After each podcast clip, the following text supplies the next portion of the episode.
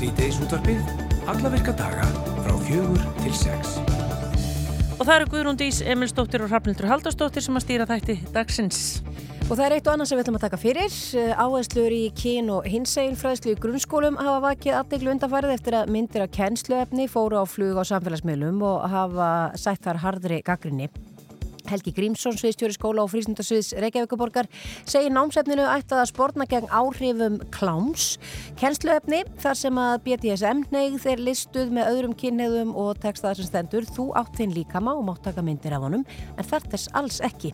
Er með að þess sem að vaki hefur hörð viðbröð. Og í gaggrinni sem að fram hefur komið er ekki gerðu greinamunur á annars vegar kinnfræðslu og hins vegar hinsegin fræðslu sem að framfer inn á skólana. Og við ætlum að fá til okkar á eftir hann á tótlu í Sæminsdóttur, fræðslustýru samtakana 78 og fá hana til þess að greina þarna á milli, ræða við hann um aðkomu samtakana að hins einn fræðslu í skólum og spyrja út í hvað það er sem að þau eru að kenna. Í skólan, já. Og svo er það samtökin framvís sem eru samtöku vísi fjárfest á Íslandi. Þau fengur nýverið KPMG til að gera skýslu um jafnrétti í fjárfestingum sprótafyrirtækja. En þau þróa flest lausnir og afurðir byggðar á íslensku hugviti og í þessari skýslu þá kemur fram að það var frekar fjárfest í karlateimum en kvennateimum. En samtökin vilja sjá þetta breytast og þessi jafnrétti í fjárfestingum sprótafyrirtækja. En samt sem áður stendur Ísland sig betur en nákvæmna þjóður okkar en betur máðu dögaskall og Sigurður Arljótsson hann er stjórnarformaður framvís hann ætlar að koma til okkar, segja okkur frá þessari skýslu og almennt um stöðu sprótafyrirtækja og fjárfestinga í þessari grein. Hildur Sveristóttir Þingmaður sjálfstæðisklóksins ætlar að leggja fram frumvarp í haust þar sem að hún mun leggja til breytingar á greiðslu þáttöku hins og ofinbera vegna tæknifrjókana og ófrjósemis aðgerða. Og við ætlum að heyra í Hildi á eftir og fá að heyra hvaða er sem hún mun leggja til í þessu fyrirhugaða frumvarpi. Já, og svo ætlum við að heyra af nýri útgáfu af uh, kaupmanninum á hotninu, eitthvað sem heitir Piccolo og bara þið skulle vera spennt því hún Ragnar Margret Guðmundsdóttir er frangöldastjórið þar að bæ. Ég ætla að koma til okkur og segja okkur frá. Svo er það uppbyttunir hafnildur. Íslenska Karla landslið í fókbaltartekunum átti Bosníu á lögadagsvelli í, í kvöldi undakefni EM 2024 og eflust margir mjög spenntir. Svektir þetta síðasta leik en nú er spennan í, í háveðum höfðu. Veðrið er gott og svona. Já, við vonum að við krossum fingur þetta sé með okkur.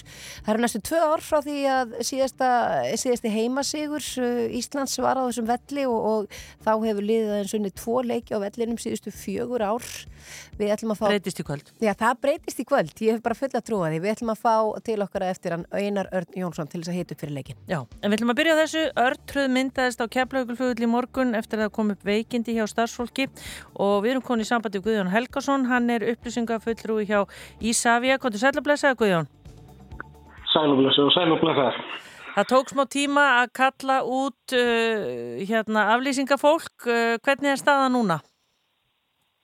Já, staða núna er að þetta var svona um það byrj tveggja klukkustunda tímabil þar sem að var þessi örtröð og þessar raðir þarna í morgun en eftir það hefur þetta gengið, gengið mjög vel hjá okkur en, en það sem gerist er að það eru 11 starfsmenn sem eru veikir þarna í morgun og, og það er tilkynning að berast til okkar frá, frá okkar fólki þarna skömmu áður en vakt á að hefjast sem er þá þarna mjög snemma morgunin. Og, og það er kannski sá tími dagsins það sem er ekki, ekki kannski benglinis hlaupið að því að, að ná í fólk til þess að, að, að koma og leysa af eða stökkun á vakt. Og, og það er náttúrulega farið að staði að finna uh, afleysingafólk og, og það gengur svona þegar það er aðeins liðið inn á, á morgunin En það sem að gerist þarna er að það þýðir að, að samkvæmt sko áallunni og samkvæmt uh, þörfinni fyrir þennan morgun, það var gert ráð fyrir sjö uh, leitarlínum sem eruðu opnar fyrir, fyrir farþega. En þær voru bara fimm þegar þessi staða var uppi. Þannig að það veldur því að þessi, þessa, þessa laungur raðir myndast. Já. En, En, en, þannig, að- Já, en eru þið með sama fyrirkomulega eins og bara til dæmis flugfélögin? Maður veit að fólki sem starfar í fluginu og það, já, það er al, rosalegt kerfi þar til að bakka upp ef að um veikindi verður. Ef, um, já, ef veikindi verða. Já, við höfum, við höfum fólk sem að, að gatt stokkið inn í þarna, þarna í dag en, en það sem kannski er vandamálið er að þarna kemur þessi staða verður ljós í byrjuninni þegar byrjun vaktar sem er þarna hvað, millir fjögur og fimm. Og þá er eins og ég segi kannski ekki hlaupið að, að, að ná í fólk fyrir það er aðeins eh, liðið lengra inn í morgunin uh -huh. og þannig að þetta er tímabild svona frá rúmlega 5 til það er, já, hálf áttaleitið þá fyrir að greiðast úr þessu. Ja.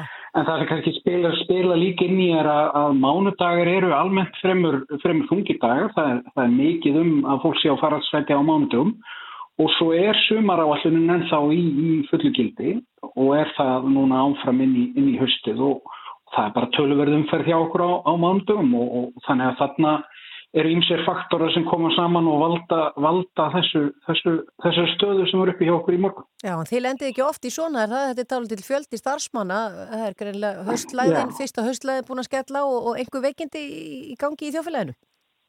Já, manni heyrist að það séu alls konar pestri gangi út í þjófélaginu og maður heyrir að, heyrir að veikindum hér og þar En, en já, þetta, ég mitt fór að, fór að veltaði fyrir mig. Ég man ekki eftir að hafa heilt af nokkru viðlíka síðan ég allavega byrjaði að vinna hjá, hjá fyrirtækinu og ég rætti aðeins við að aðra hér innan hús og, og það var ekki sem myndi eftir að, að svona aðstöður hefði skapast. En, en fyrir morgundaginn þá erum við með fólk á kantinum ef að, að þeir, þeir sem að löðust í, í bæliði morgun eru ennþá en þá under the weather, ef svo maður segja, svo maður sletta þess. Já, en Guðjón, hvernig gengur annars? Við sáum að þið voru að taka í notku ný, eh, ný hérna, belti fyrir töskur við, við komu, hérna, heimkomu. Uh, gengur allt vel þar? Það gengur bara mjög vel. Við erum sem sagt með þrjú nýbelti, þau halla, þau eru stærri, það er meira plási í kringum þau, þannig að þetta er allan hátt þægilegra fyrir fartagann og, og bætir flæðið og, og þessi þrjú voru tekinni í nótkunni þannig um daginn og það hefur gengið vel að, að nýta þau. Uh, á sama tíma erum við að setja fjórða nýja stóra beltið þannig að þau verða fjögur núna innan. Uh, svo búið að taka gömlu beltin og það er búið að taka þau niður og það sem er að fara að gerast er að, að komu fríhafnarvestlunum, hún er að fara að stekka. Hún mun ná yfir það svæði þar sem gömlu uh, törskubeltin voru og, og þær framkvæmdur eru einni hafnar. Já, þannig að það verður enþá meira úrvala makkitóns fyrir okkur. Það verður nóg að vesla og, og, og sem, sem skiptir kannski líka miklu máli, það er, það er nóg pláss fyrir farþega þegar þeir eru komið að ná í törskunna sínar. Já, það er nefnilega það Guðjón Helgarsson upplýsingafulltrú í Ísafja takk fyrir að vera á línu hjá okkur og, og gangi ykkur vel þarna á vellinum og vonandi bara ná allir heilsu aftur sem fyrst. Já, við vonum það og takk fyrir. Takk fyrir, bless bless. Nei. Nei, ég segi svona, maður er ekki alltaf hérna vinsalast að... Macintosh? Nei, ég svo langt sem ég sé það eitthvað í frí. Ég var stött svo í leifstu þegar þetta var í gangi hérna daginn, þegar það var verið að taka á móti fyrstu farþjóðanum sem voru að koma á, á þetta belti. Já. Hafa Freyðin og, og Björn Tórótsen og Gítar og svona, ég hugsaði að þetta var huguld ef þetta væri alltaf svona Já. með henn komu. Bara verður velkomin heim, Guðrúndís. Já, gjör það svo vel. Freyðvis Glas og, og, og Björn Tór Já. og bara Gítar. Svona á þetta að vera. Já.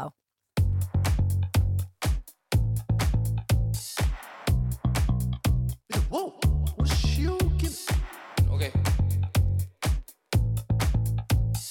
3, 2, 1, já Baby, ég er að horfa á þig Dans í nóg Öll þessi ykna blik Fara fljóð Þú svo fænt þegar þú horfir á mig Og þú tóka mig til Ú, ú,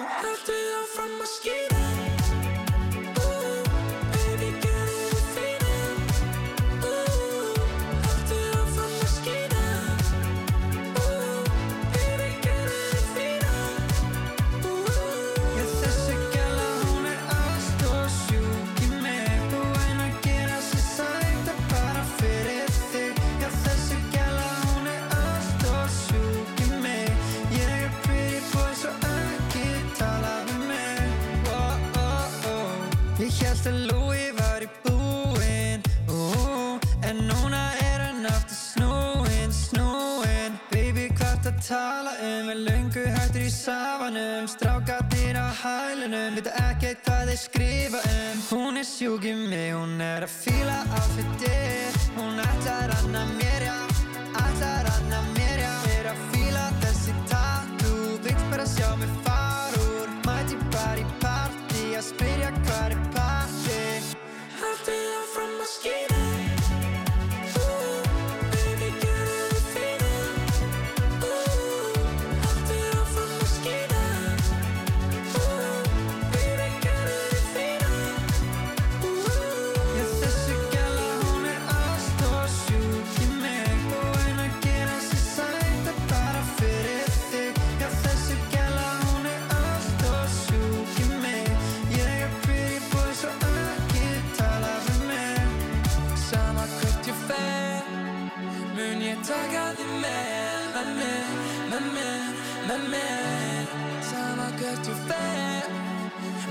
I got the man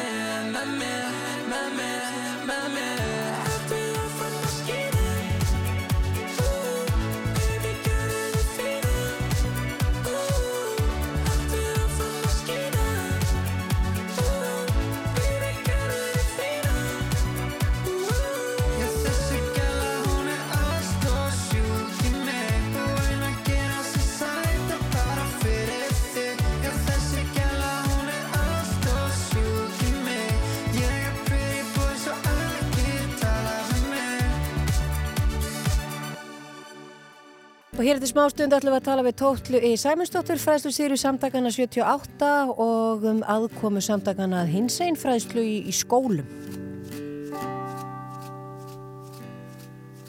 You're a part-time lover and a full-time friend. The monkey on your back is the latest trend.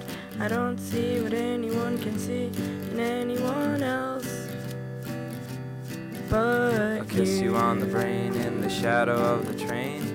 Kiss you all starry eyed, my body swinging from side to side. I don't see what anyone can see in anyone else.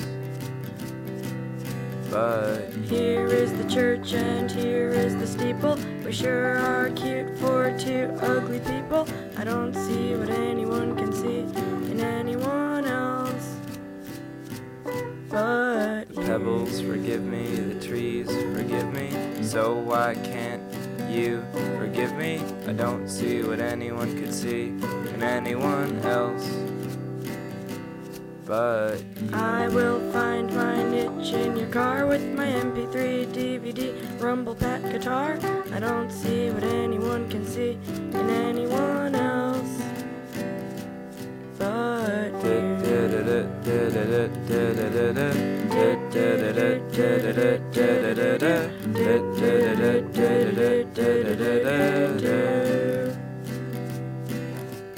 Up, up, down, down, left, right, left, right, B, A, start. Just because we use cheats doesn't mean we're not smart. I don't see what anyone can see in anyone else. But you. Are always trying to keep it real. I'm in love with how you feel. I don't see what anyone can see in anyone else. But We both have shiny, happy fits of rage. You want more fans, I want more stage. I don't see what anyone can see in anyone else. But Don. Quixote was a steel driving man. My name is Adam, I'm your biggest fan. I don't see what anyone can see in anyone else. But Squinched up your face and did a dance. Shook a little turd out of the bottom of your pants. I don't see what anyone can see in anyone else. But you. But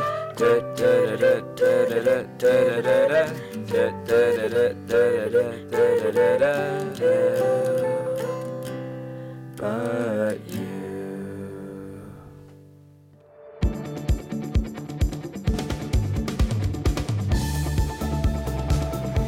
Áherslur í kín og hinsegin fræðslu í grunnskólum hafa vakið aðtegli undanfarið eftir að myndir af kennsleefni fóru á flug og samfélagsmiðlum og hafa sætt þar harðri gaggrinni. Helgi Grímsson, sviðstjóri skóla og frístundasviðs Reykjavíkuborgar eh, segir námsætninu ætlað að spórna gegn áhrifum kláms. Kennsleefni þar sem að BDSM neyðir listuð með öðrum kynneigðum og texta það sem stendur. Þú átt þinn líkama og mátt taka myndir af honum en þar þess alls ekki er með að þess sem að vaki hefur hörð viðbröð. Og í gaggrinni sem að framöfu komið er ekki gerður greinamunur og annars vegar kinnfræðslu og hins vegar hinseginfræðslu sem að framfer innan skólana. Og hinga til okkar í komin er Tótla í Sæmundsdóttir, fræðslustjóri eða fræðslustýra samtakana 78. Uh, Kondi Sælu Blessuð. Takk fyrir að bjóða mér. Já, takk fyrir að koma til okkar. Við höfum nú fengið þig hinga til okkar til þess að svona greina þarna á milli fyrir okkur og, og ræða við okkur um aðkomi samtakana að hins einn fræslu í skólum og, og spyrja út í bara hvað það er sem að þau eru að kenna. Einmitt, hvað við að kenna? Uh, við erum að ke kenna um fjölbreytileikan. Við erum að kenna uh, hva hvaða er að vera hins einn. Við erum að kenna um fólk og, og mannréttindi og við höfum ekki sýnt kynfræslu í skólanum. Við erum að tala um kyntjáningu, uh, þannig erum við að skoða hluti eins og bara fólk geti verið alls konar, sem eru með sítt hár og sem eru með stutt hár og sem eru klæðið sér bleik og eru blá og svona meins. Svo erum við að tala um kynvitund, bara hvernig fólk upplifir kyn innan í sér, uh, kynneið, bara við getum að laðast mismöndi á fólki og kynenginni sem hefur að gera með svona líkamann og lífræðinu og, og svona eindisensmálefni. En þetta er allt miða, uh, mannréttinda miðu fræðsla og hefur henni ekkert að gera með kynfræðslu. Heldur við erum að skoða mismunandi hópa á fólki. Mm -hmm. og hvert við getum leita eftir aðstóð og hverja við getum tala við og svo framins. Já, og þið eru með samninga við sveitafélög einhver? Já, við erum með samninga við 14 sveitafélög. Nú, nú var ég alltaf mjög órug því að horfið í augun okkur. Já. Jú, jú, jú, 14. Og, hve- og hvernig fer þetta fram? Ég meina, fer bara fulltrúi frá ykkur og er þetta bara Já. við valáfanga eða hvernig er þetta? Nei, þetta er í rauninni þar sem við erum með samninga höfum verið að fara inn í, í rauninni þriðja, sjötta og nýjunda bekk í, í skólum í því sveitafélagi yfirleitt og menta kennara og starfsfólk sveitafélagsins og höfum verið að fara með svona grunn hinsegin fræsli Já. til fólks. Eh, Ef þú ferðaðins yfir það með okkur að því að þið skipt, skipti, eða þessi er bara náttúrulega skipt upp í þrjú stig, það er eh, miðstig, yngsta stig og svo hérna eldra stig. Mm Hvað eru þið til dæmis að kenna á yngsta stig? Yngsta stíði eru við bara að tala um fjölskyldur, að fólk geti átt mismundi fjölskyldur sem eru eina mömmu, sem eru tvær, sem eru eitt pappa og eina mömmu, viti, alls konar. Fólk er alveg upp á ömmum og öfum og frændum og frængum, við hefum oft eh, mismundi fjölskyldur og svo erum við að tala svolítið um kynntjáningu sem er rauninni bara það sem var að tala um áðan, að við erum mismundi, hvernig við klæðum okkur eða hvernig við viljum vera og hver sem þú ert uh, verðskuldaru virðingu og kærleik. En á miðstigi? Á miðstíði erum við að skoða svona grunn hugtökin. Bara hvað er að vera homi, hvað er að vera trans og svo framvegs. Og erum að skoða svona í algjörun grunn þar í raunni. Um, svo förum við á úlingastíði, þá förum við í, aðeins dýbra í hugtökin og erum svona að skoða líka uh, svona fordómafræðslu og kannski áhrif þess Mm og fyrir svona í grunninn um bara að jafnvel þó við skiljum ekki alltaf hvort annað þá eiga allir skilja virðingu og við berum virðingu fyrir hvort öðru þó við séum ólík. Já. Og hver, getur þú sagt okkur líka kosti þess að þetta, að því kynfræðsla er eitt og, og, og hún er unnin af kennurum en, en þarna komið þið frá samtökun og eru með hinseinfræðslu. Mm. Hver eru kostir þess? Hver er kostið þess að hins eginn fólk sjá um hins eginn fræslu? Eh, það er í rauninni bara að uh, þekka henni veruleika og geta svara þeim spurningum sem komu upp. Eh, oft verða kennarar svolítið óryggir þegar kemur kannski að veruleika sem þau þekki ekki ná sjálf eða samfélag sem þekki ekki ná sjálf og við komum að það inn í rauninni bara til að tala líka um líf okkar og geta miðlað áfram reynslu og þekkingu. Hafið þið fundið fyrir því að bara til dæmis fóreldrar eða forraðamenn séu ósátt við þetta, að þið séu að fara inn í skóluna? Nei, sko, hinga til höfum við ekki fundið mikið fyrir því. Uh, það er auðvitað einstakar dæmi en uh, þegar það kemur svona bylgja af upplýsinga óreiðu og reynum og beinum legum, þá hefur það sjálfsögðu áhrif á, á hvað fólk heldur að við séum að gera í skólakerfinu. Förum aðeins yfir þetta, því að uh, maður þurfti ekki að vera lengi á internetinu um helgina til þess að sjá það að það er búið að byrta þarna myndir af kennsluefni og svo er búið að mynd, byrta líka einhver texta sem að uh, ég held að eigi ekki einu sinni stóð í raunveruleikanum, sé ekki, ekki neitt kennsluefni og þetta er búið að setja þetta allt í einn hrærikraut. Mm -hmm. Og við erum til dæmis hérna með uh, uh, þennan texta um uh, það þú megi taka mynd af sjálfum þér. Á vegum hvers er hann? Þetta er tekið úr efni frá viku 6 Já. sem er í rauninni úr, úr hérna, forvarnaskóla Reykjavíkuborgar og uh, ég verði að viðkynna, ég þekki mjög lítið að takmarka þetta efni. Já. En þetta gekk í rauninni að mér skilst við erum nú eiginlega bara að spurja þau út í það. Ég, við, við, þetta kemur ekki frá okkur. En mér skilst að það gangi út að, að, létta af skömm veist þeirra sem hafa lendið því að myndum hafa verið deilt frá þeim og annað slikt Já, og svo er þessi texti með hvað er kynneigð og þar er listað upp hérna sa- samkynneigð og gagkynneigð og tvíkynneigð og, og svo framvegis. Og, og svo kemur einhverju spánst fyrir sjónir og er að gaggrína hérna að BDSM neigð sér sett hérna undir sama hatt. Viltu útskýra það að, eitthvað aðeins fyrir okkur? Já, þetta er samstagsverkefni uh, millir okkur og Reykjavíkuborgar uh, ég man ekki 2019-2020 og þá var mjög mikil umræð um BDSM neyð í samfélaginu. Þetta er í rauninni stutt eftir að hatari fyrir út í Eurovision uh, það voru leður klæðnaður og keðjur út um allt og og með svo öskudaginn það var mjög mikið ja, börnum leðurklættu frá toppi til táar og það var, það var mikil umræð í samfélaginu um BDSM neyð og hvað það væri og okkur fannst mikilvægt að, að koma í rauninni stuttri útskýringu á þetta efni þá. Um, þetta er ekki inn í fræðslefn okkar. Við kennum ekki um BDSM neyð í grunnskólum landsins, uh, höfum ekki gert og munum ekki gera. Þannig að, hérna, já. En þarna var það sett bara fram lítil og stutt skilgreining af því þetta var mjög ábyrjandi í þjóflæðinu. Já, og, og einmitt, lítil og stutt skilgring. Það er mikilvægt að halda því til haga að það voru engar myndir eða einhverjar útskýringar, uh, grafískar útskýringar á þessu plaggati. Þetta var stutt skilgring. Já. Svo eitt í viðbót sem við höfum líka reikið augun í hérna, það er eitthvað kvitt blað sem er búið að fylla inn í og gera alls konar, bara eitt blað sem stendur að börn á aldrinu 0-4 verða að læra um sjálfsróun og þroska, áhuga og eigin og annara líkama og þetta kemur, þetta er sett harður í gaggrinni en þessi texti í rauninni á enga stóði í raunveruleikanum eða hvað? Nei, þetta er einhver, einhver skrítin afbökun á uh, í rauninni skýslu sem Alþjóða Hilbriðstofn gaf út. Og í rauninni að ég hef ekki, ekki svo sem lús lesið þetta en ég hef lesið yfir, yfir þannig texta sem er hérna með aldursviðmiðin.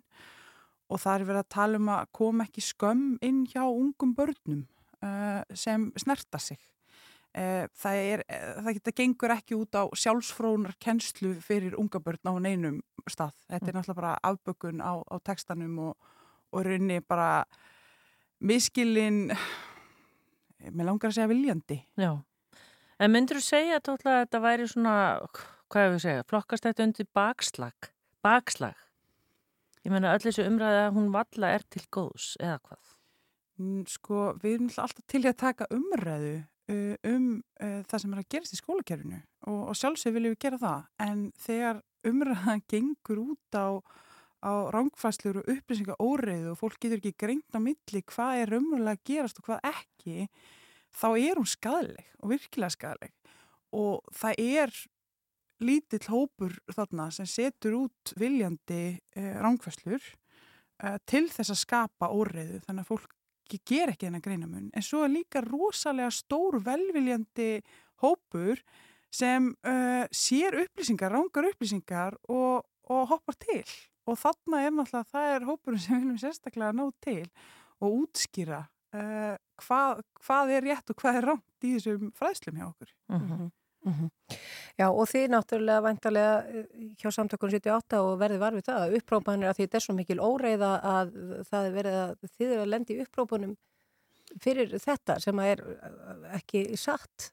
Já, við fyrir svo sannarlega lendum í árásum og, og upprópunum uh, þegar kemur að efninu okkar og það er bara mikilvægt að halda eitthvað hæga, þú veist, til dæmis eins og við bara byrjuðum á að við sinnum ekki kynfræsli. Það er bara, það er bara fyrsti miskilningur og það er verið að, hérna, halda í fram alls konar sögum á því sem hafa átt að gerast í, í kennslistundum í okkur sem er bara hreinlega rámt. Mm -hmm. Það er bara verið að búa til efnu og ég get algjörlega staðhæft það hér að það, það er eitthvað sem gerist ekki.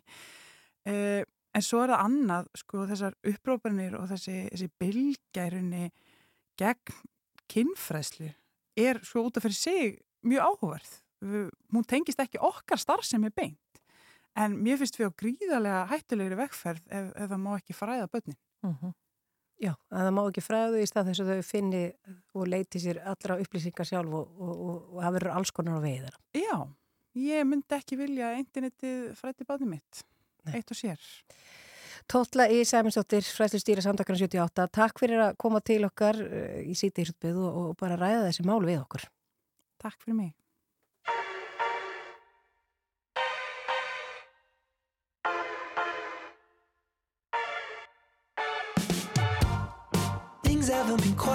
Same. There's a haze on the horizon, babe. It's only been a couple of days and I miss you. Mm, yeah. Nothing really goes to plan. You stub your toe break your can.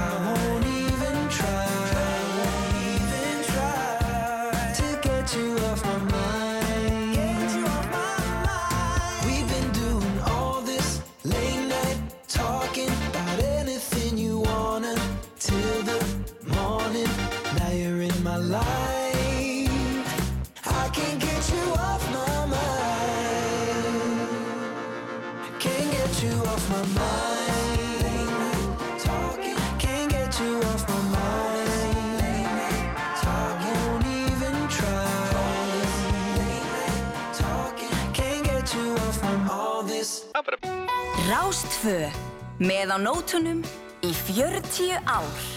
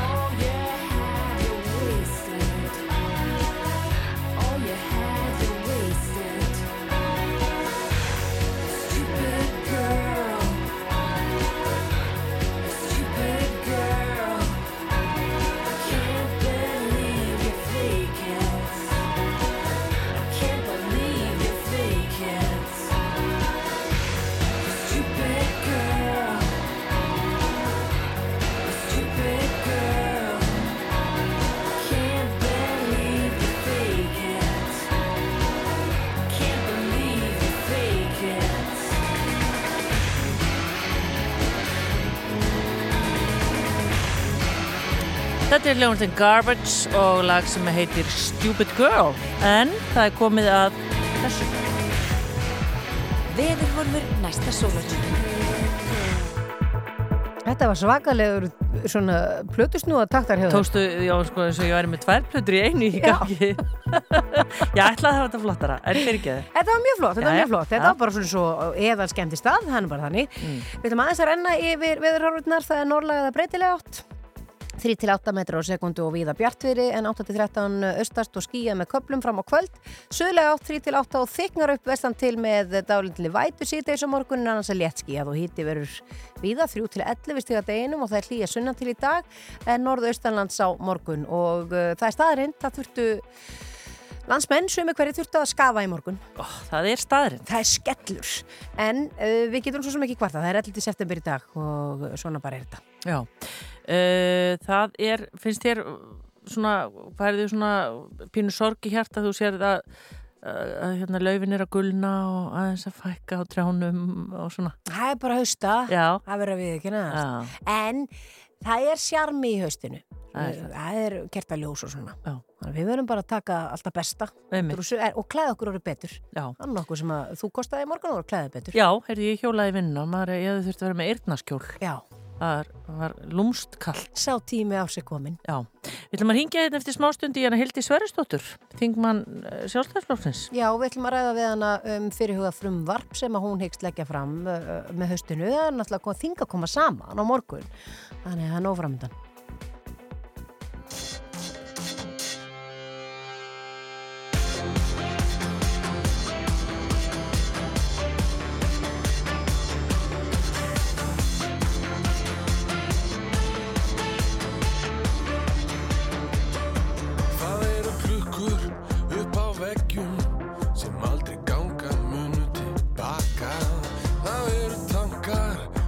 Ströndum sem frusu fastir í þennan klaka. Og það er skrítið til þess að hugsa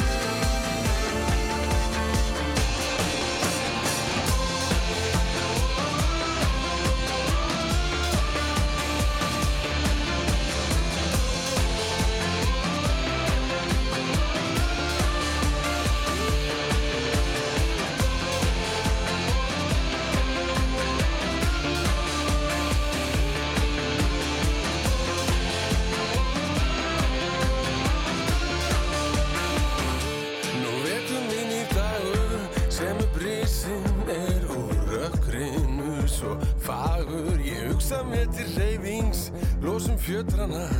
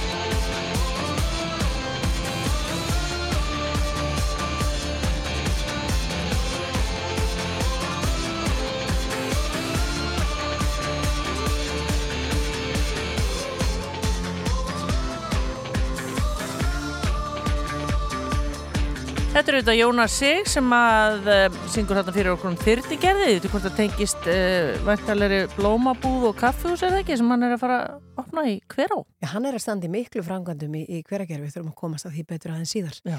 En Hildur Sveristóttir þingbaða sjálfstæðisflokksins ætlar að leggja fram frumvarp í haust þar sem að uh, hún mun leggja til breytingar og greiðslu þáttöku hins ofnbæra vegna tæknifrjókana og ófrjósemis aðgerða og Hildur er á línu hjá okkur. Kondur sæl og blessu Hildur. Sæl. Já, hvað myndu leggja til í þessu fyrirhugaða frumvarpi? Það sem ég legg til er í rauninni þrýfælt. Ég er í fyrsta lagi að auka hressilega í niðugreislu hins ofinbæra uh, til þeirra sem þurfa uh, á aðstóð teknifrjókana að halda. Þannig að til dæmis fer fyrsta meðferðin úr 5% niðugreislu yfir í 75% niðugreislu. Þannig að það er það er hérna talsverði munur og, og ég veit að mun koma óbúslega mörgum ef ekki bara flestu málskaplega vel. Í öðru lægi uh, var með bent á í sumar sem ég bara hennilega vissi ekki að þegar konur þurfa að undirgangast ekkheimtu uh, vegna krabbamins, það sem að til dæmis eftir lífameðferð og, og svo lesir uh, er, er betra að eiga ekkir sín á, á, á góðum stað. Og ég hennilega vissi ekki að það var ekki gjaldfrálst og ekki bara partur af þeirri krabbamins meðferð. Þannig að í frumarspyrninu núna leggir þá í öðru lagi til að þegar í þeim aðstæðum er kænta og allt tilherrandi, allar takni frjókunum meðferðir tengt alvarlegum sjúkdómum eins og krabbminni verði 100% gjaldfrálst. Mm. En í þriðja lagi, þar sem, og mér finnst þetta alltaf hefur ofinbæra ég að fyrir að vera mjög gaggrinn á hvað hva, hva fjármunum það yfir í og eiga svona forgangsraða uh, skýrt og, og þá ekki, sko, ekki síst núna á verðbólgu tímum þar sem við þurfum öll að gera það sem við getum til þess að hæja á útgjálta vexti að þá leggja til að niðugreisla vegna ófrjósumis aðgerða valkvæðra stundum kalla herraklippingar og svo leiðis að þær verði um, ekki niðugreitar. Þannig að ég er að leggja til að niðugreislan sem að hefur fyllt þeim aðgerðum uh, svolítið langan tíma verði hægt Þannig að þessar tilfæslur með því að auka við stuðningin fyrir teknifrjókurinnar en hætta ofinberðum stuðningi við valkvæði og fróðsýmisaðgerðnar ekki engöngu því það að þetta mun ekki kalla, kalla á aukin framlög frá ríkinu heldur, heldur mun að öllum ríkindum svona skilan okkur um 20 miljóna í ríkisjóð álega, menn auðvitað fyrir varum að maður veit kannski ekki alveg fjöldan en það er svona grúmlega áallat þannig að þetta er svona einn hótskuld það sem ég vil ekki til. Já, en telur þú Hildur að, hvað ég voru að segja, fjárhags áhyggjur eða annars líkt hafi áhrif á uh, ákvarðantöku fólks í öllum þessum efnum? Já, já, já, það gerir það. Og ég hef alveg eh, hef það fyrstu hendi, ég sendur sjálf fór í gegnum þetta ferli allt saman og það er bara mjög, það er mjög kostnæðasamt þannig að hérna og, og þetta er nú, þetta er bara nægilegt álag fyrir, þannig ég held að það muni líka bara aðstofa við sko hvernig, hvernig þess að næðfæri gangi að þurfa ekki að glíma við í svona jafn mikla fjárhásákjur uh, eins og hefur verið. Ég held að það muni koma að bara að gríðarlega miklu gagni, já. Já. Þannig að þú ert þá bara að leggja til í rauninni til fæslu fjármuna að það verði meira aðstofa við teknifrjókanir og uh, hætt niður greiðslum við ófrjóðsefnisakir í staðin. Já, já, ég er að leggja það til. Þannig að það fælst í þessum tilugum engin útgjanda auki fyrir, fyrir ríkisjóð og því mér finnst bara sangjant, mér finnst þetta sangjant fórknáðsöðun og ég vil það bara standa fyrir því og bara bara, skal bara vera heiðalega og einlega með það að mér finnst þarna eðlilegra að því ofinbæra aðstóði við fólk sem er í þessu vand að vera eina eignu stöld uh, því þrátt fyrir ég stið 100% hann sjálfsagða rétt fólks til að taka það ákveði fyrir sitt líf að vilja fara í ófrjóðsumins að gera það kannski búið eignast bara nú mikið af völdnum eða hvaða ástæðir eru fyrir því. En, en mér finnst sangjant að það setja bara val hvers og eins og við komum til standi þá ströyma þeim kostnæði bara eins og er viða í kerfinu eins og til dæmis með leysir, aðgerðir og fleira þá, þá borgar fólk þetta sjálft og, og mér finnst aðeinlegt þess að aðgerðir fara í, í svona það mengi og, og þá er staðin út á fjármunna til að hjálpa því fólki sem er í þessum vanda. Já, ertu búin að kanna stuðning? Heldur þú fáir meðbyr? Ég, ég finnst að ég trúi því. Ég held að ég sé ekki einum það að, að finnast þetta sangjant, uh, eðlega fórgóðsum og ég tala nú ekki um núna þegar eins og ég segi, í þessu fælst ekki útgjald auki fyrir ríkisjóð þannig að fyrir mér er svona, þetta er svona eitt af svona just, do it málum. Nú þá bara taka ákvörðun, þetta, þetta er bara kerfisbreyting, kostar, kostar engan pening, gerum þetta bara. Mm -hmm. Hildur Sværistóttir, þingmaður sjálfstæðisflokksvöldum, get tröflaði lengur þing að koma saman og svona brjálaði að gera hjá þér. Bara, takk fyrir að... Takk einilega fyrir, takk. Heyrðu, má ég segja eitt enn, bara örstu til lokin.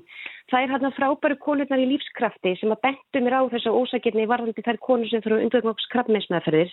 Það er með málþing á morgun á samt öðrum félagsamtökum í HR um ófljósemi vegna krabbamis.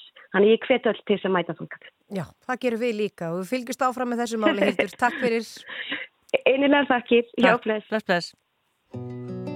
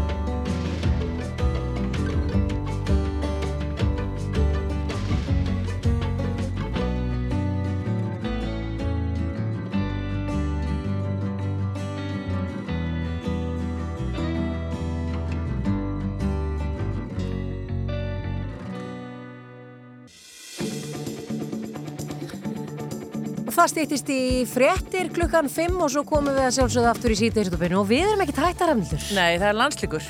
Það er landsleikur, það eru einhverju byrjaðar að telja niður, einhverju byrjaðar að kæla kókið og, og hafa verið popp og svona og, Já. og það er stemming vantarlega byrjuð á lögadagsvelli, heldur Já, það ekki? það lítur að vera kort en hann er sérst 1845, mjög sérstakur tími sami og var á föstudaginn, leikurinn Já. 1845 Já, akkur finnst þér að sérstakur tími? Ég meina það er ekki vilt bara 6 eða 7 Mér það frábæð tími. 1845 Þetta er frábæð tími, en allavega vonbreym voru svo ábösli fyrir helgi að ég ætla svo að vona að við tökum manjukast uh, núna eftir þennan leik. Uh, en þetta er ekki það eina sem við ætlum að fjalla um. Við ætlum að fjalla um ímislegt annað hér bara eftir smástund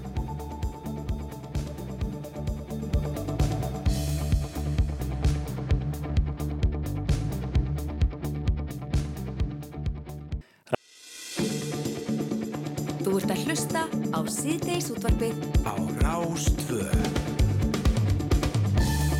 Þá heldum við staðinn í setni klukkutíman hér í síðdeis útarpunar ástöð. Samtökin Framvís sem eru samtök Vísi fjárfesta á Íslandi.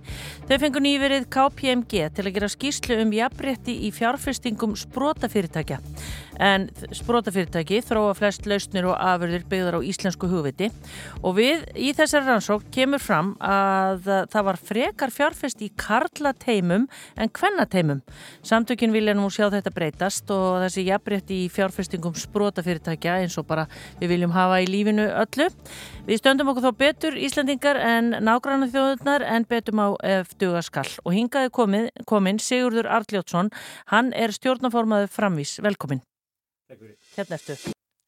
Uh, einhver sérstök ástæði fyrir því að vild, þið vildu láta skoða þetta uh, svona nánar? Já, þetta er svona, við framvís er til dælu ungt uh, félag, þarna við erum, þetta er svona samtök hérna, vísi fjárfyrst á Íslandi og, og, og eiginlegur sko vísi yðnaðurum byrjar ekki fyrir svona alvöru fyrir 2015 svo að þá eru, eru þrýr hérna, vísisjóður stopnaðir og, og þetta við erum uh, svona að reyna bara að fylgjast með og opna umröðaðu til þess að uh, auka gagsegi í, í fjárfæstingum og markmið er okkar náttúrulega að reyna að fá, fá hérna, aukinn fjölbrytur líka og, og fá hérna, fleiri konur til þess að, að stopna fyrirtæki og, og, og, og búa til flott fyrirtæki. Já, en þá þurfa fleiri að veðja á konur.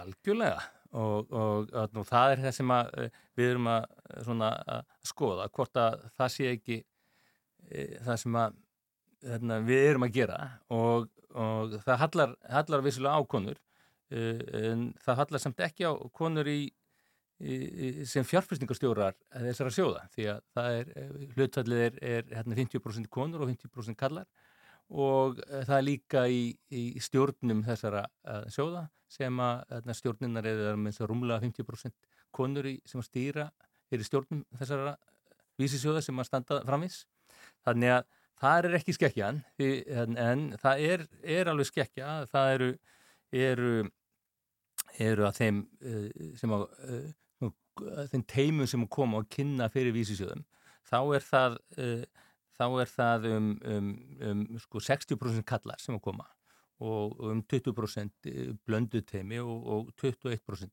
sem er engungu kvennateimi sem að geta staðið einni koni eða, eða fleiri og en, en fjárfyrstingarnar eru, eru 68% í, í köllum uh -huh. en þarna í blöndun teimum er það samt sko 25% en uh, einingi 7% í í, sem fjárfyrst myndi í konum. Mm -hmm. En er einhver svona sem að gefur einhverja vísbendingum hvers vegna er þetta? Ég menna, eru konur ekki nógu hugrakkar eða eru það bara ekki Mm. komna nógu langt í að segja hver er ástæðan? Já, það er, ég, þarna, svona, það er erfitt að segja og þarna, ég vil nú ekki meina að konur sé eitthvað að minna hugrakkar heldur en eh, kallmenn, en þetta er svona, ef maður ber kannski sama við, eh, við Európu, þá eru stundum okkur miklu betur en þar og þarna, þá er þetta bara 1% fjárfyrst í, í konum en, og, og bara 8% í, í, í blöndu teimum en 92% í, Vá. einvörgu kallateimum. Það munar svona miklu. En það er ekki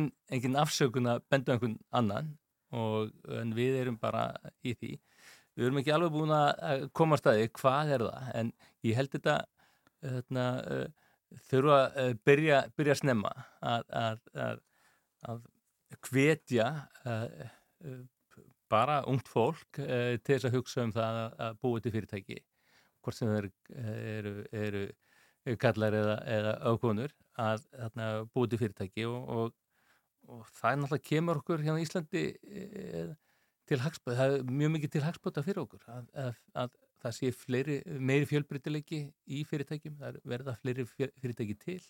Við sjáum alveg hérna núna hvað hefur gerst á, á uh, síðustu missurum. Uh, hérna á þess ári eitt, eitt félag sem að uh, hérna, brunnur hérna, valstasjóðu fjárfæsti það hérna, var skráð á Nasdaq í New York, félag Oculus, núna skráð í, í, í, í mars og síðan til dæmis uh, nýlega fréttunum Keresis, það er nú félag sem að uh, nýsköpunarsjóður atvinnlýsins fjárfesti hérna á byrjunastegum þess félags þannig að við viljum að sjá svona en við viljum sjá uh, meira konum Já. En hvernig fer þetta fram? Mér það er náttúrulega langur aðdraðandi að því að maður stopni fyrirtæki og hvað þá kynnaða fyrir fjárföstum og svona hvað, ég meina, hvernig getur aðeins útskýrt þetta? Jú, ég held að það sé svona að fólk þarf að hafa uh, maður ætti að sletta, sletta passion fyrir eh, því sem að það er að gera.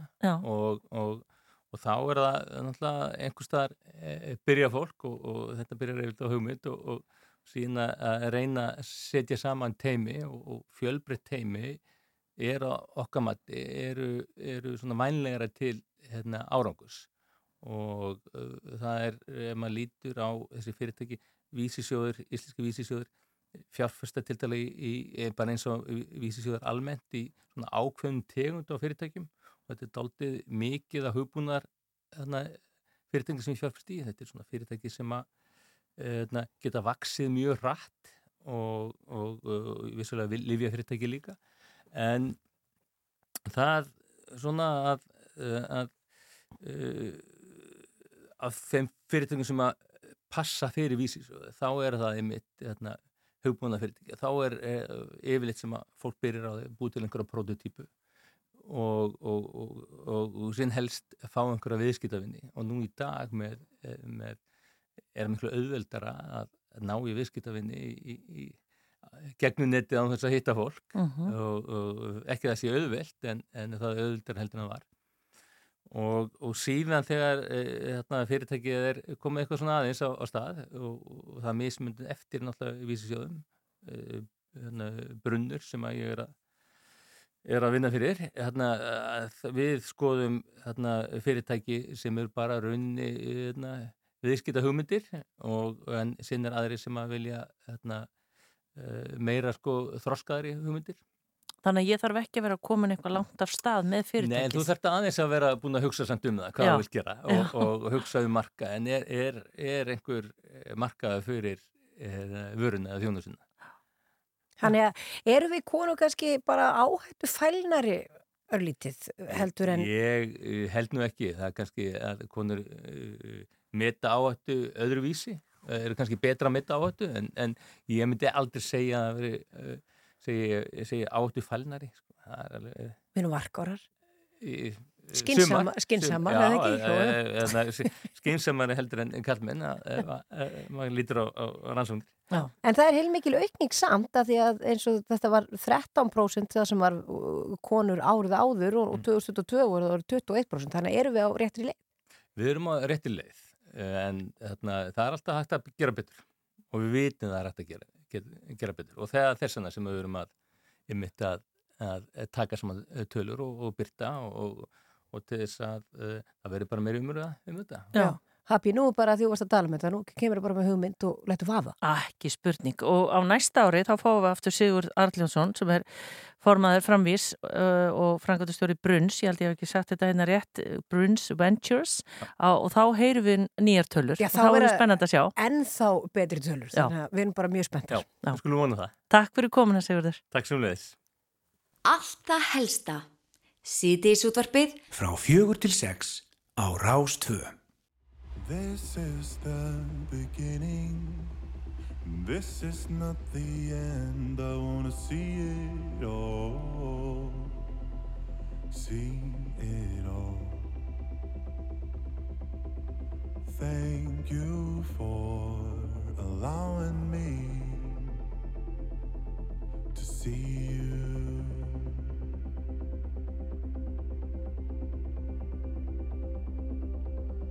And thank you for being here, lending me a time. But first of all, thank you for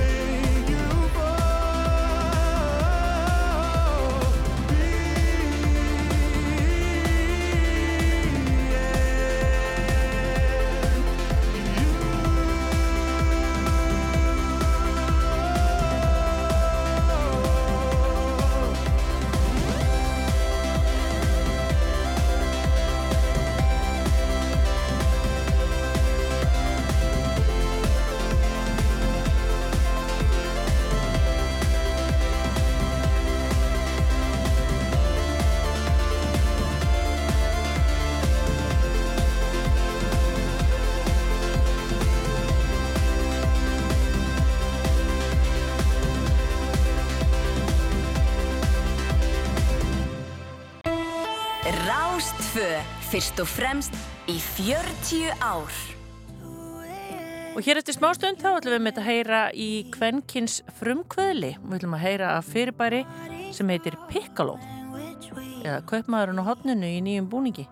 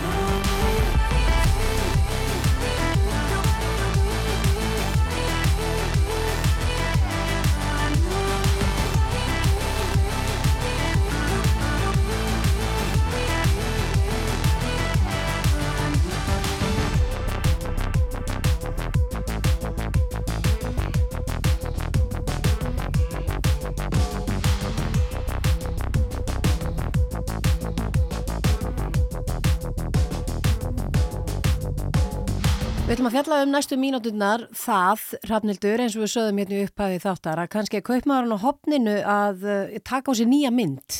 Uh, við erum komið með hana Rögnu Margeti Guðmundsdóttur, hún er framkvæmtastjóri Piccolo, hinga til okkar, kontur sæl og blessuð. Sæl. Já, útskýri þetta aðeins fyrir okkur, hvað er Piccolo? Já, Piccolo er sem sagt snjallt dreifikerfi fyrir maturveslanir á netinu og okkar megin markmið er að hjálpa fólki að nálgast mat og dagveru sem það veslar á netinu í nærum hverju sínu.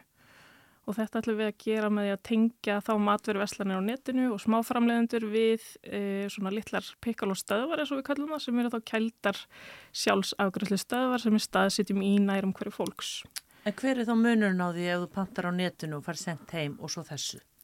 Munurinn aðalega sá að þú getur þá, hérna, þarft ekki að binda þig heima til að taka móti sendingu og greiðlega margir sem að vilja í rauninni ekki að matur, matar innkaupiðinn kannski standi fyrir utan heima hjá þeir í eitthvað tíma eða vilja ekki binda sig heima heldur vilja bara geta sótt þetta þegar þeim hendar Já. á, í, í sitt nærumhverfi það er svona það, er svona það sem að við e, fókusum á Mm. En hvernig kveiknaði þessi hugmynd?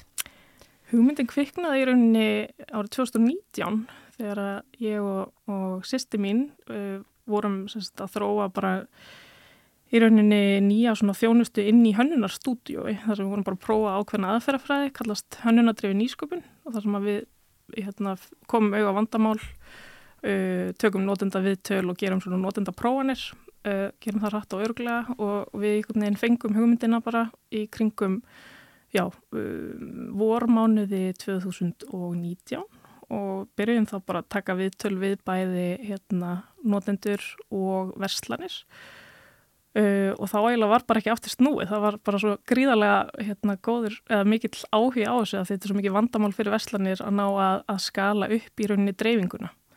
Þannig að við sjá, sáum mikið tækifæri bæði að í rauninni besta dreifingu og hjálpa verslunum að dreifa í, til fleiri aðala og líka hérna, er þetta náttúrulega bara mjög þægilegt fyrir notendur sem að hérna, vilja ekki binda sig heima heldur vilja annan kost Já. þegar það verslar í matinanetinu. En við könnumst ölluruglega við það þegar við höfum reynd að panta okkur í tökundæmi matvöru á netinu að, að kannski getum maður ekki fengið að senda heim fyrir daginn eftir af því að það er bara brjálega að gera. Þið eru þá væntalega að sjá viðskiptatekki verið þarna og reyna að leysa úr þessu. Já, í rauninni sjáum við allavega, við getum allavega hjálpað til við að dreifa og, og maturverslunni bara fara aukast. Og þetta verður kannski 6.000 sendingar á dag sem þarf að þjónusta hérna á höfuborgarsvæðinni árið 2026 og við sjáum það að vinsalisti tímin í afhendingu er um eitt milli 4 og 6 á daginn þegar gödunar eru þegar stappaðar af fólki. Þannig að sendil sem er að fara í heimsendinguna er kannski að fara með eina sendingu á klukkustund sem er náttúrulega bara mjög hérna, óhagkvæmt og ósjálfbært fyrir maturveslaninnar og meðan við við getum þá afhend í stöðvanar 80 hólfi einni stöð þannig að við getum afhend 80 sendingar á mjög stuttum tíma fyrir háana tíma og fólk sækir svo bara þegar þeim hendar. Já. Og þetta er þá væntalega þannig að ég fæ bara senda eitthvað númer til þess að opna minn skáp eða Já, bara um leið og sendingið þín komin í hólf þá færðu hérna, QR-kóða sendan með SMS-i og töljuposti og þú notar hans svo bara til að skanna þið inn í húsið eða í stöðina. Og þá opnast líka þinn hérna þitt hólf. Og öll stöðin er kælt og svo erum við að bæta við líka fristihólum fyrir fristiveru.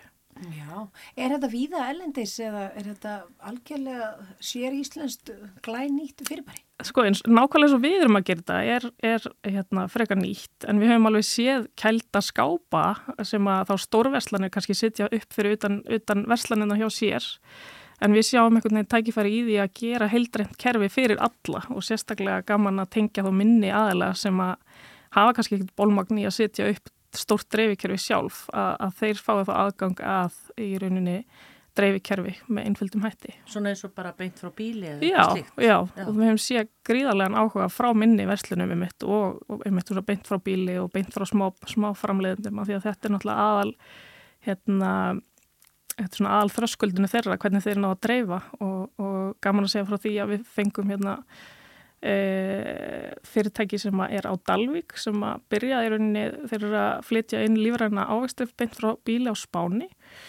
Og þeir byrjuði í oktober í fyrra og, og, hérna, og það er rauninni gerðsannlega sprakk áskrift af þjónustum þeirra því að þeir náðu bara ekki annað eftirspurn hérna, því að þetta var svo, heimsendingin var svo gríðarlega mikil, mikil og stór partur af þessu.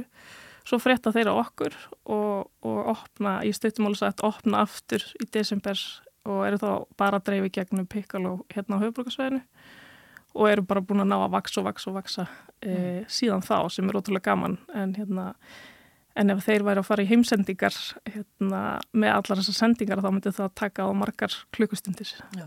En sko ég borga fyrir heimsendingu ef ég kaupi á netinu úr verslun uh, og segjum að ég sé að borga fyrir það. Borga ég svo aftur fyrir að fá ykkar þjónustu? Hvernig, hvar skiptist kostnæður? Það er bara mjög mismunandi hvernig verslanir gera þetta en við í rauninni rukkum bara verslunina fyrir hvert hólf sem þau taka og þau ráða síðan hvort að þeir niðugreið allan kostnæðin eða hvort að hérna, þeir taki, eða viðskiptaðunum borgi eitthvað að kostnæðinum. Já, þannig ég er ekki að borga tvöfalt? Nei, nei, nei, nei. nei. nei. Og þetta er semst bara framtíðin greinilega og þið eh, hyggist koma þessu fyrir í, í já, fjölmörgum hverfum og, og vantarlega þá kannski fara eitthvað út á land líka eða? Já, við erum að sjá rosamikla eftirspurn út á, fyrir þessa lausn út á landi og það er útrúlega gaman að sjá það að, að fólk vil geta nálgast fjölbreytta matveru og ferska í sínu nærumhverfi og, og við sjáum mikil tækifæri að færa okkur út á land líka.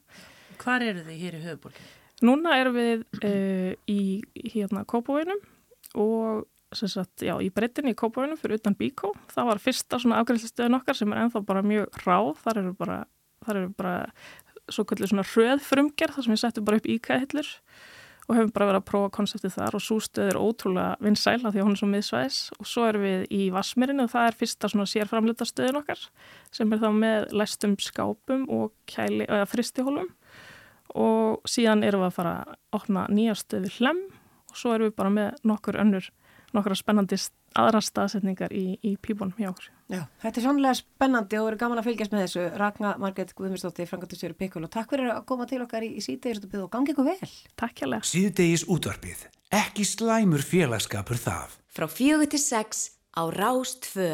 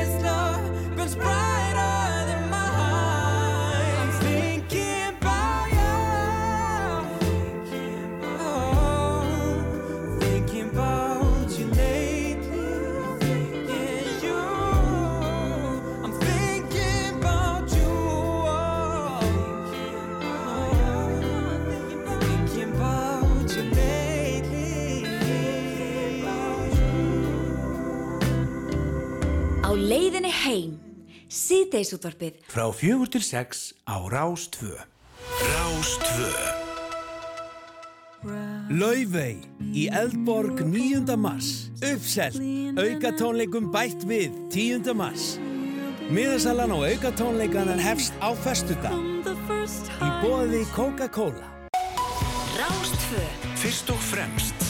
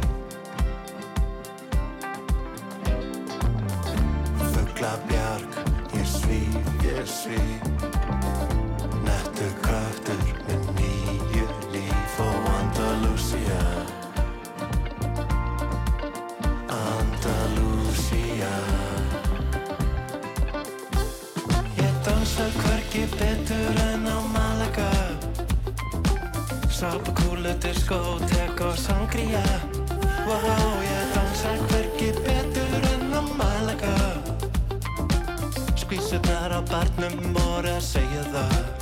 Wow, ég dansa hverki betur en á Malaga Sápakúlu, diskótek og sangria Wow, ég dansa hverki betur en á Malaga Skvísurnar á barnum voru að segja það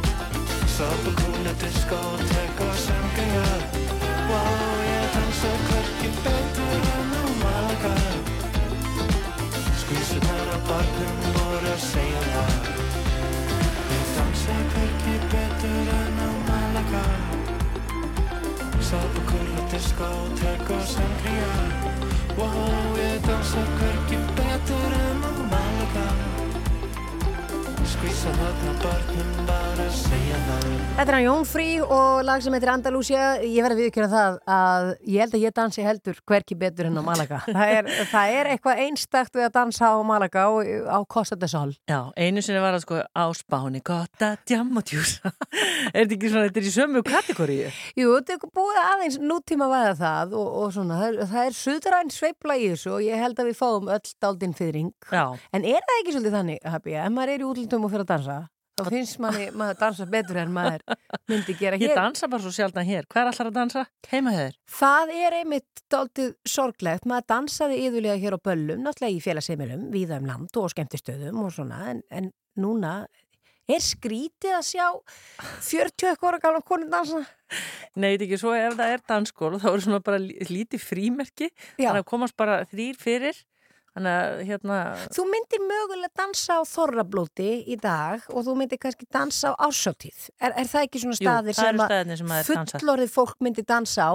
Að ég held að væri skrítið ef ég og þú myndir bara riðjast inn á golf á einhverjum að betri skemmtistuðum borgarinnar. Já. Því það er á bara yngra og sprækara fólk heima. Einar Örn, dansar þú? Luftgitar, ég dansa ekki.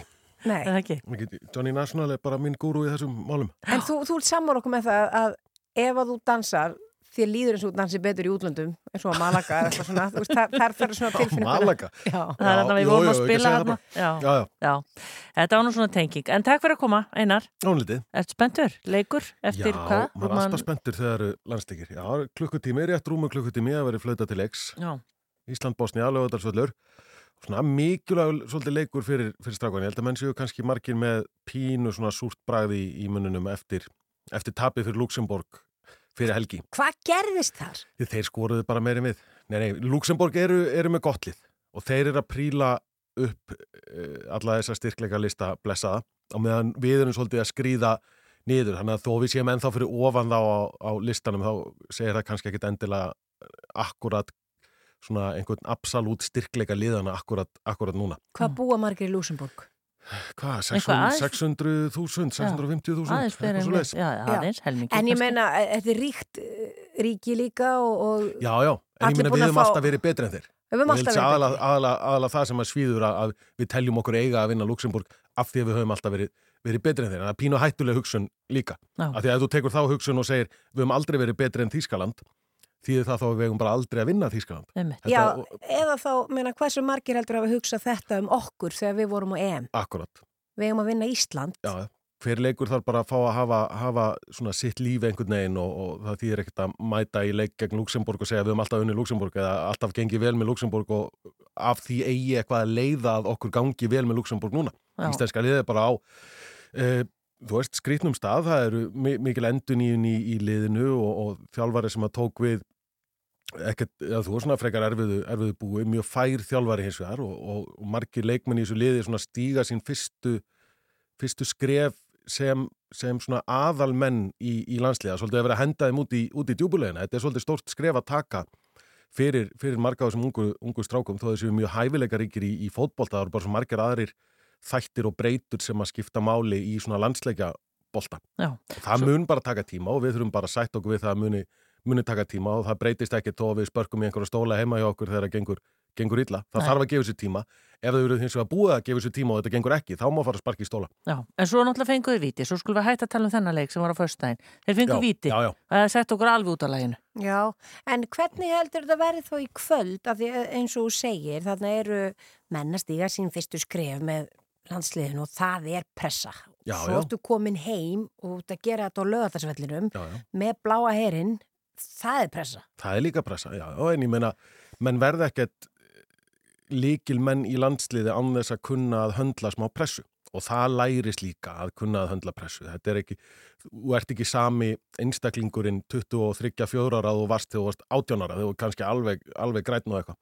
Þannig að margir, margir munu læra og munu læra hratt og leikurinn í dag er, er mjög mikilvægur þáttur í því ferli, ekki bara fyrir einstakar leikmenn heldur, bara fyrir þennan hóp sem lið. Mhm. að kunna svolítið á sjálfa sig líka því að það eru svona uppstillingar í gangi í þessum síðustu landsleikjum það sem að menn hafa bara ekkert spilað mikið saman áður og ekki í þessar uppstillingu með þennan þjálfara. Þannig að það mun allt, allt taka smá tíma. Það eru fimm breytingar á, á liðinu á eftir frá leiknum á, á föstudaginn. Já, hver eru þær? Uh, Hörðu Björgvin er, er náttúrulega í, í banni en svo komaður inn í, inn í hópin Viljum Þór Viljumsson, Mikael Neville Andersson, Orristeinn Óskarsson byrjar frammi, Alfons Samsteð og Hjörtur Hermansson kom inn í, inn í vörnina þannig að þetta eru þessar fimm breytingar sem eru á, eru, eru á liðinu og ég er nokkuð vissum, eða ég bara veit það að þetta 11 manna lið hefur aldrei spilað fyrir Ísland áður, ekki byrjað leik fyrir Ísland áður, þannig að þetta eru bara allt svona ég vil segja að þetta séu bara svona vörður á leiðinni að því að verða aftur að, að góðu liði. Mhm. Bosni er hins vegar gott lið, erfiður anstæðingur en gæti þá líka samaskapi gefið íslenska liðinu ofsalega mikið að ná góðum ústöðum á móti Bosni hérna heima. Við steinláum út í Bosni 3-0 og reyndar bara búin að vinna einn af, af fimm leikjum í þessu. En liðið hefur sínt batamerki á heimaðli Já. og, En- og við skulum vona að haldi því bara áfram á, á eftir og ná í góð úslit á móti Bosni og þá geta þið gengið bara stoltir frá því verkefni því að Bosni er gott lið. Já, en eins og þú segir, við erum búin að tapa, hvað, fimm leikjum í þessu? Já, tapa fjórum Að tapa fjórum? af fimm. Já, af fimm. Já. Í rauninni þá höfum við enga tapa. Það hljóta bara að mæta og gefa botn og, og sjá hvað gerir. Já, þú er náttúrulega alltaf einhverja, einhverja tapa, en kannski ekki, uh, þú veist, þú hefur stoltinu að tapa og einhverjum framförum mögulegum sem þú ert búin búin að ná, en ég held að, ég, ef ég skilði rétt, þá ertu í á svona að því að það er, það er minni pressa á þeim að þeir verði að vinna. Já.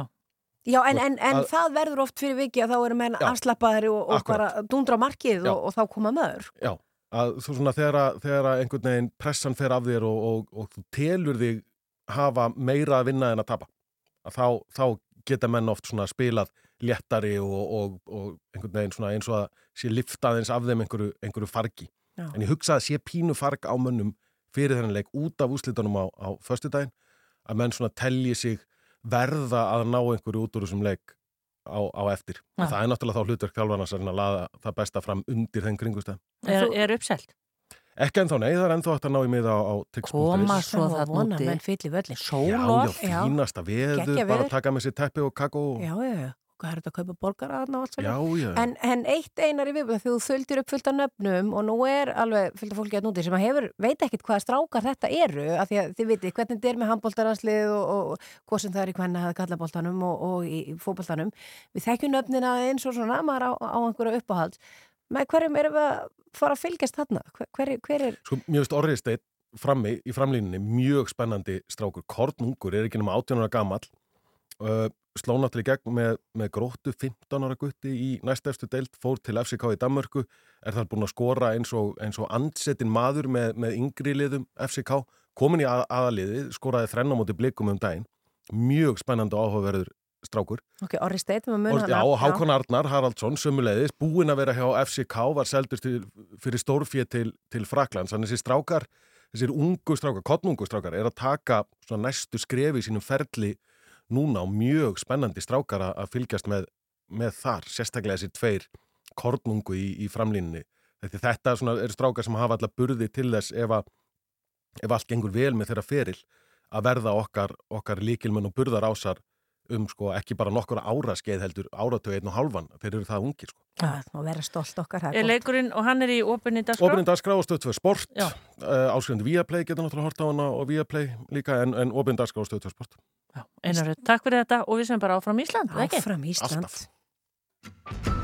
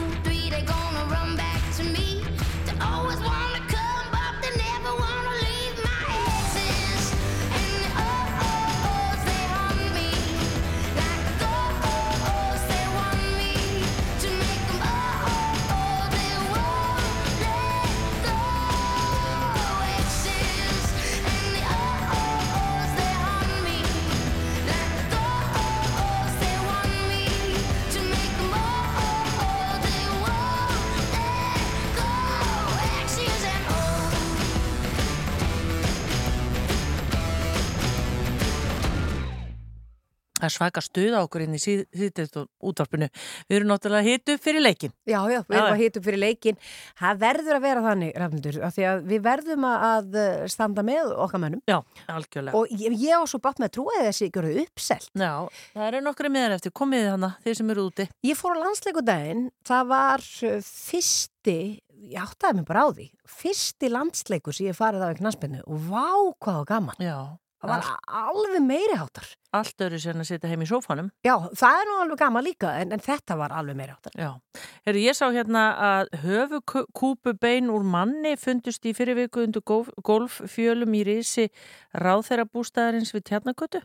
Það er verið að endur bæta og rannsóknir og aldursgreining standa nú yfir í á beinunum í þjóðmennasafnu. Er þetta ekki sérstaklega staður? Jú, ég myndi nú segja það. Það verið morð?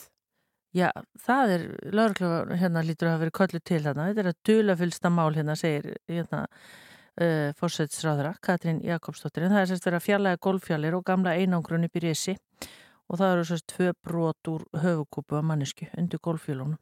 Þetta er bara eins og einhver sko spennubók eftir yrsu. Já. Já, mér finnst þetta óögnulegt. Já, þetta er veikinast. Já.